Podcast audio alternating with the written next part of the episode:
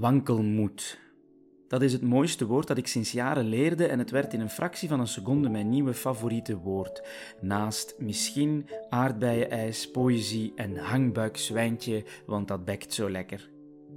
Wankelmoedig zijn, je eigen denken in vraag stellen, jezelf laten uitdagen, vooronderstellingen uitschakelen en zoeken naar antwoorden die de individuele kijk overstijgen, kijken naar wat we er samen van vinden en zodoende verbinding maken met andere mensen. Dat is het, zo ongeveer, wankelmoed. De nieuwe wereld tot filosoferen heeft zich werkelijk veel mis aan mij openbaard. De omgeving als metafoor voor de cursus zelf. Na een hartelijke ontvangst in de ervaren sfeer van een begijnhof werd onze groep uitgenodigd om langs een oude trap naar boven te gaan. De treden namen het wankelen meteen heel letterlijk en het zoeken naar houvast heel acuut. Op de zolderverdieping namen we plaats tussen archiefdozen waarvan de inhoud me niet bekend is, maar die me deed denken aan kennis die is geclasseerd. Misschien was ze overbodig geworden, misschien voorbijgestreefd, misschien was ze te zeker, te overtuigd van zichzelf geworden en moest ze even afkoelen in de onzekere gedachte of ze er ooit nog toe zou doen. Durven je eigen overtuigingen in een archiefdoos steken en ruimte maken voor inzichten die je niet had zien aankomen. Perspectivistische lenigheid is een ander woord voor diezelfde sport. Ik raakte langzaamaan moe, maar voldaan als nooit tevoren. Want in omgevingen waar men heel graag laat zien wat men er allemaal zeker van weet, voelde ik me al heel vaak niet op mijn plaats.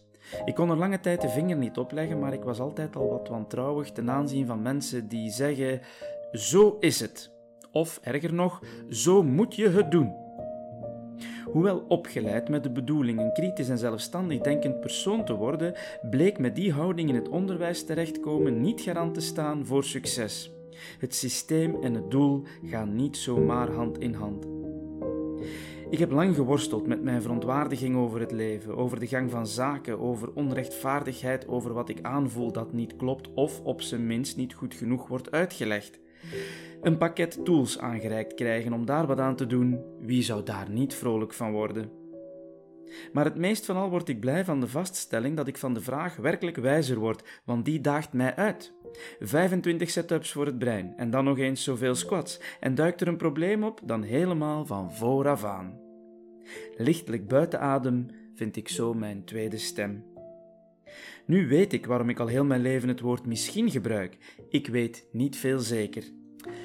Daarom wil ik zoeken naar het antwoord. Want bij de vraag blijven hangen is misschien wel de definitie van piekeren en dat is eenzijdig vermoeiend, verlammend ook.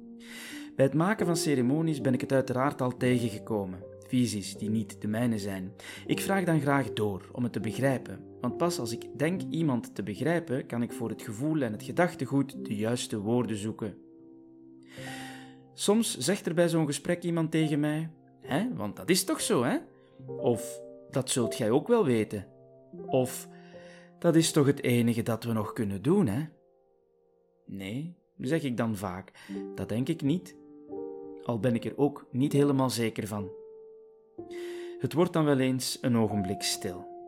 Daarbij denk ik dan voortaan: maar hoe kan ik het antwoord weten als jij de vraag niet stelt? En onderweg naar huis wankel ik altijd even. Ook zonder een glaasje te veel gaat het zo tenslotte al heel mijn leven. Nu weet ik gelukkig dus dat de juiste vraag ook ondersteunt. Wankelmoedig zijn heeft tenslotte niets van doen met willen vallen.